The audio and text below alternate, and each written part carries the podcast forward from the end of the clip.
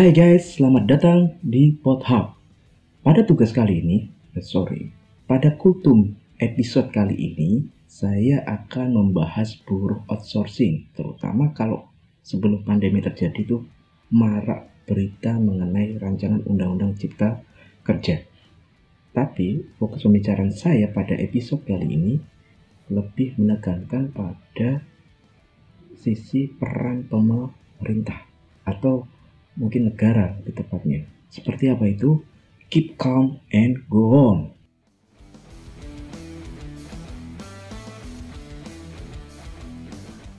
Beberapa waktu lalu, saya ada obrolan dengan seorang teman yang membicarakan masalah pegawai outsourcing.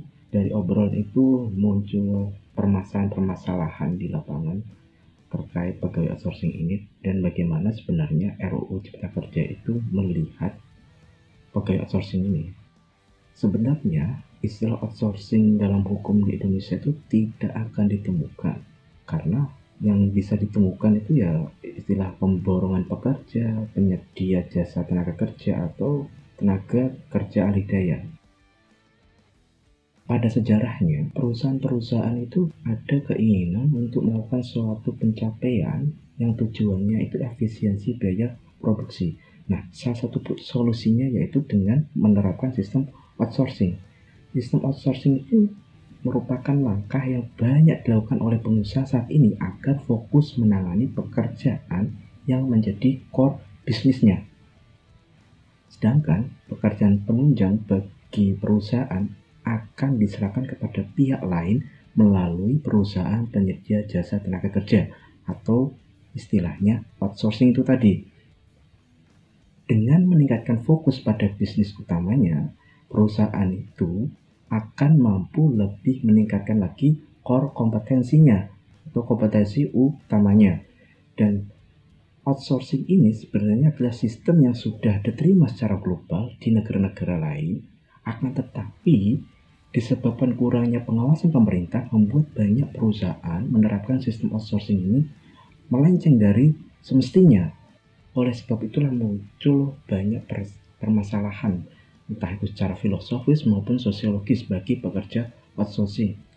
Kalau kita melihat secara filosofis, permasalahan utama mereka yaitu ya bicara masalah kesejahteraan dan juga keadilan yang mereka peroleh, mulai dari kurangnya jaminan atas keselamatan kerja, kesehatan, kesejahteraan, perkembangan karir, dan upah yang layak bagi tenaga kerja seperti uang lembur dan lain sebagainya. Sebenarnya kalau kita melihat tenaga outsourcing ini memiliki hubungan kerja yang unik ya, karena dia memiliki hubungan kerja dengan perusahaan uh, alih daya atau perusahaan penyedia jasa tenaga kerja, kemudian perusahaan alih daya atau penyedia tenaga kerja tersebut mengadakan hubungan kerja dengan perusahaan pemberi kerja.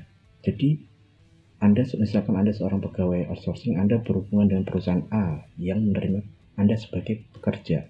Nah, perusahaan A ini dia memiliki hubungan kerja dengan perusahaan B, di mana perusahaan B ini yang akan menjadi tempat kerja Anda.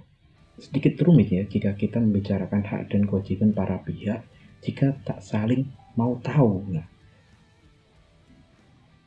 nah lantas bagaimana pengaturan outsourcing ini di rancangan Undang-Undang Cipta Kerja?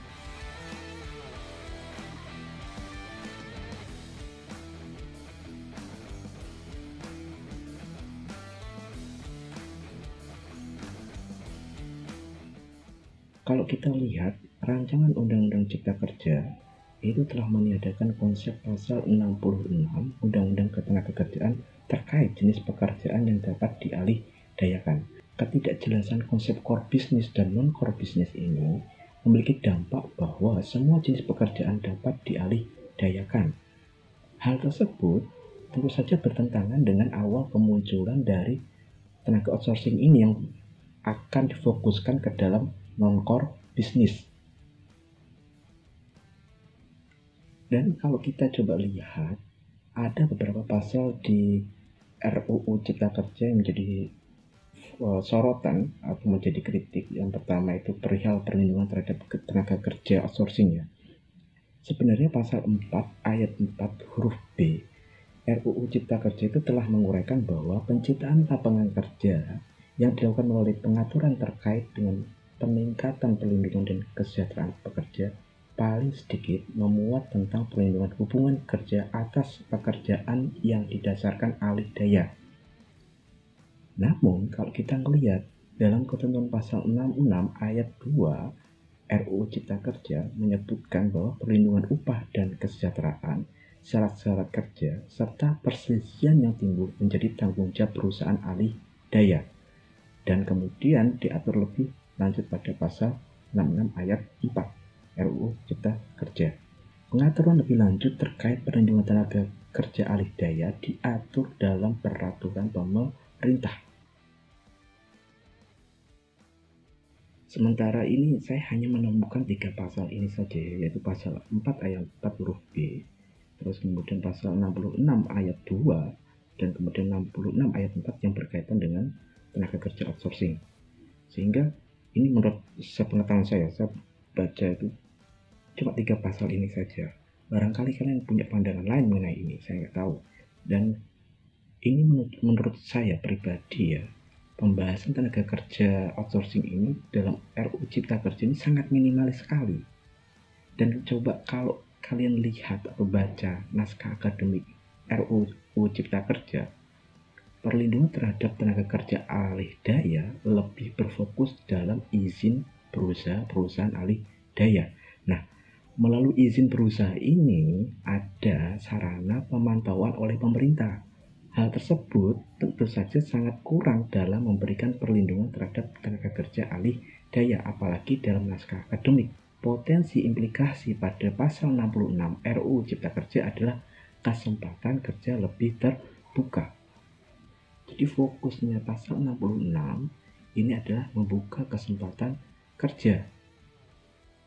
Pada hakikatnya negara itu tidak hanya melihat bahwa terbukanya kesempatan kerja dan warga negaranya memperoleh pekerjaan saja.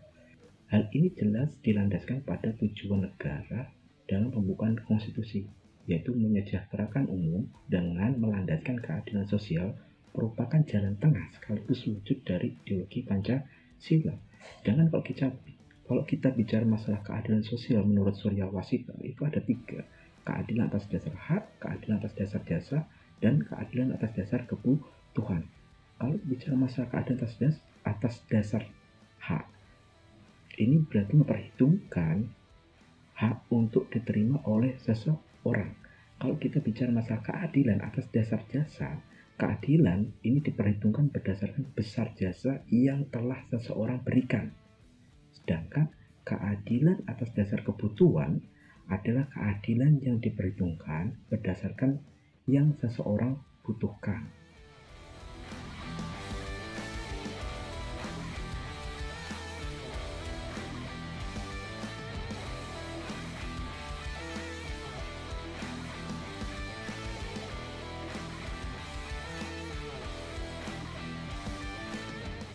Ketika keinginan untuk menyejahterakan telah terjamin dalam konstitusi suatu negara mau tidak mau, berarti negara itu harus menjamin hak-hak yang melingkupi atau menaungi jaminan tersebut.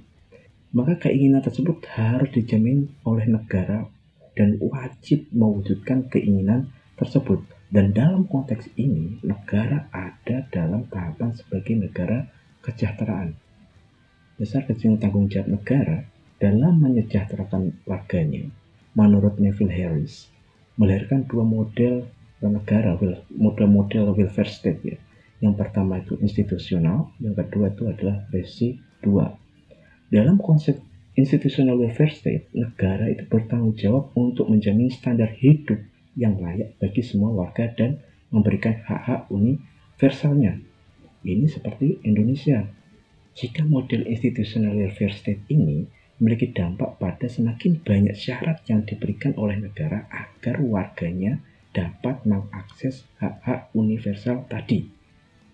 Dan apabila semakin lemah dan kurangnya dampak pemerataan dari program perlindungan tadi, artinya negara itu semakin jauh dari model institusional welfare state. Sedangkan konsep residual yaitu keterlibatan negara dalam mengurusi kesejahteraan ketika sumber daya yang lain termasuk layanan yang disediakan swasta ini itu tidak memadai. Hal ini membuat negara mengatur ketentuan minimal atau sangat selektif terhadap program kesejahteraan dan menempatkan tanggung jawab yang lebih besar pada individu untuk memenuhi kesejahteraannya sendiri, misalnya melalui asuransi. Oleh sebab itulah, aktivitas atau kewajiban negara yang sedemikian tinggi dan besar, maka jangan heran jikalau terkadang pemerintah atau negara itu masuk ke dalam ranah yang bersifat privat atau e, bersifat perdata. Dan sebagai akibatnya, penggolongan antara hukum perdata dan hukum publik itu terkadang juga menjadi bias atau buram.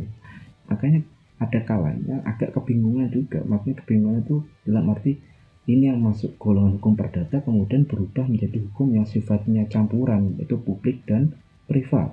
Contohnya contohnya itu ya hukum perkawinan terus hukum terkait tanah rumahan rakyat tenaga kerja itu kan campuran campuran antara privat dan publik. Hal ini sebenarnya untuk memberikan peluang masuk kekuasaan publik ke dalam beberapa bidang yang sifatnya perdata untuk diarahkan pada tujuan mewujudkan kesejahteraan masyarakat. Negara atau pemerintah sebagai upaya mensejahterakan masyarakat itu membentuk aturan hukum sebagai sarana kesejahteraan sosial.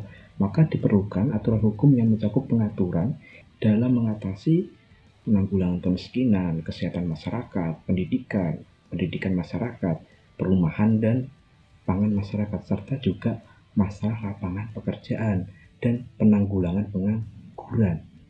Itulah makanya konsep uh, konsep aturan hukumnya itu diarahkan ke sana. Masalah penanggulangan kemiskinan, kesejahteraan, pendidikan, perumahan, pangan masyarakat, terus kemudian lapangan pekerjaan, terus penanggulangan pengangguran. Pertanyaannya, apakah RUU Cipta Kerja ini sudah memuat unsur-unsur aturan ini Mungkin Anda memiliki jawabannya. Bolehlah sedikit dibagi jawaban Anda kepada saya dan mari kita diskusikan hal ini. Ya, begitu saja dari saya. Semoga kultum kali ini bisa bermanfaat dan kita bisa bertemu pada kultum-kultum episode berikutnya. Salam.